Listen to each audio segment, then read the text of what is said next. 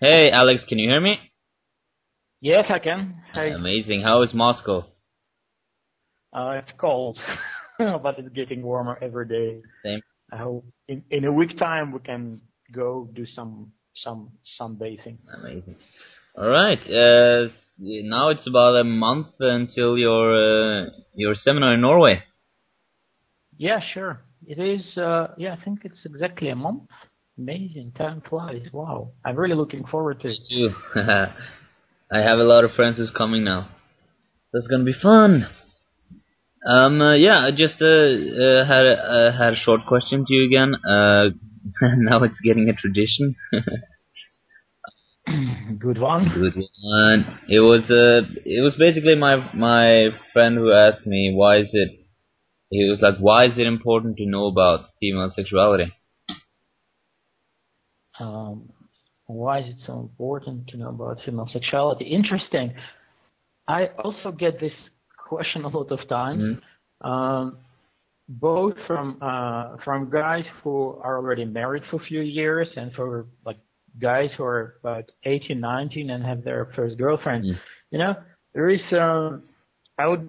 I'll give you an example. I think the best thing here would be uh, imagine that uh, there is a there is a tribe. You know, in some distant island there is a tribe. Okay. Okay. Uh, people living in the wild. They don't have TV. They don't have radio. Nothing. Yeah. And one day there falls a Ferrari, a Ferrari car, you know, a sport car from like falls out of the plane. Okay. Okay, and it just drops on the ground in the middle of this island. Yeah.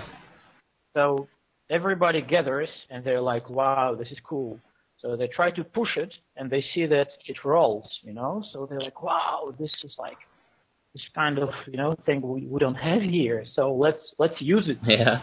So they have no idea that there is an internal combustion engine and you can just turn the key and the key is inside. You can turn the key and the car will start and you can drive around the island on a speed of like 300 kilometers an hour. They don't have any idea about it.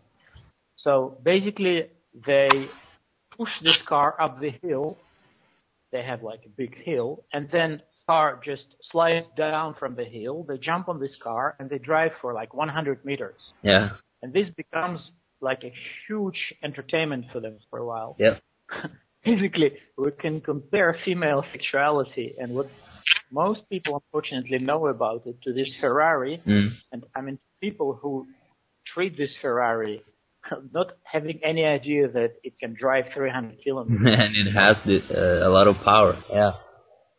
it has a lot of power. It has its amazing thing, and all. Uh, unfortunately, most people know. Even people, as I said, who are already married for many years, Yeah. they know how to push this car up. Uh, they know how to like get their penis erected.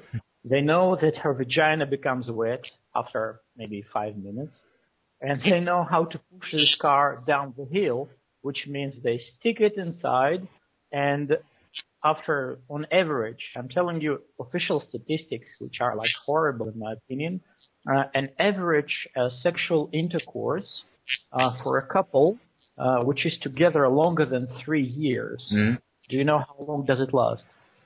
Uh, I don't know. Uh, uh, Seven minutes.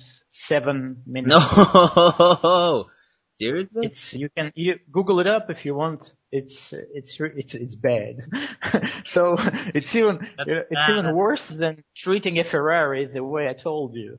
Okay, Yeah. this is this is uh, this is complete lack of of knowledge. In the beginning, people are excited. They do at least something. After a couple of years together, they get used to each other and like, yeah, what what else can I do? I just stick my penis in, and after yeah, 10 minutes I'm ready and she, she's happy. Yeah, she's fine. She's fine. And let me tell you, she's not fine. You know, she's far from fine. But she will never tell you this straight in your face because uh, any woman, uh, and evolutionary women are made the way, uh, they avoid direct conflicts. Uh, they can uh, talk behind back and they do things in a subtle way. But there is no woman, as we spoke also last time, will not tell you in your face, hey, you know, you suck in bed. No. they also think it's your responsibility to learn about female sexuality. Mm. So uh, it's extremely important to to know everything about it, uh, at least very very important basics. Mm. Uh, for example, uh, how quickly she gets aroused, uh, when it's time to do what.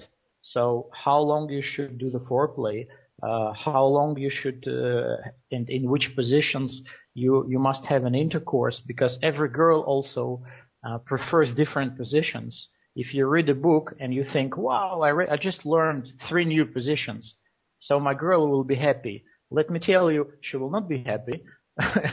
Maybe she will, but most of the time, uh, every it's very individual. Mm. Okay, and it depends on uh, also you knowing how her internal organs are situated and how your particular woman is uh, getting aroused. So all these three new positions, which is great to know, you also have to realize, hey, some of those things might not be so comfortable for her. And how do you know this? By studying female sexuality in advance, right. before you come to bed, before you start having sex with. Yeah, amazing. All right, thank you. So seven minutes, huh? That's really amazing. Seven minutes, yes. It is an average uh, inter- uh, duration of intercourse. Un- unfortunately, I mean, I'm doing my best, and we're all doing our best to uh, promote some knowledge, to spread some knowledge, so that it will not last seven minutes, but at least 77, yeah. or even even better, 777 minutes. Good. All right. Thank you. Uh, I have a feeling that uh, I'm probably going to call you up again because uh, people are really, really like this stuff, and uh, I've gotten some good feedback. So thank you again. My pleasure. My pleasure. Sure. All right. Talk to you next time. Okay. Till next time. Bye. Bye.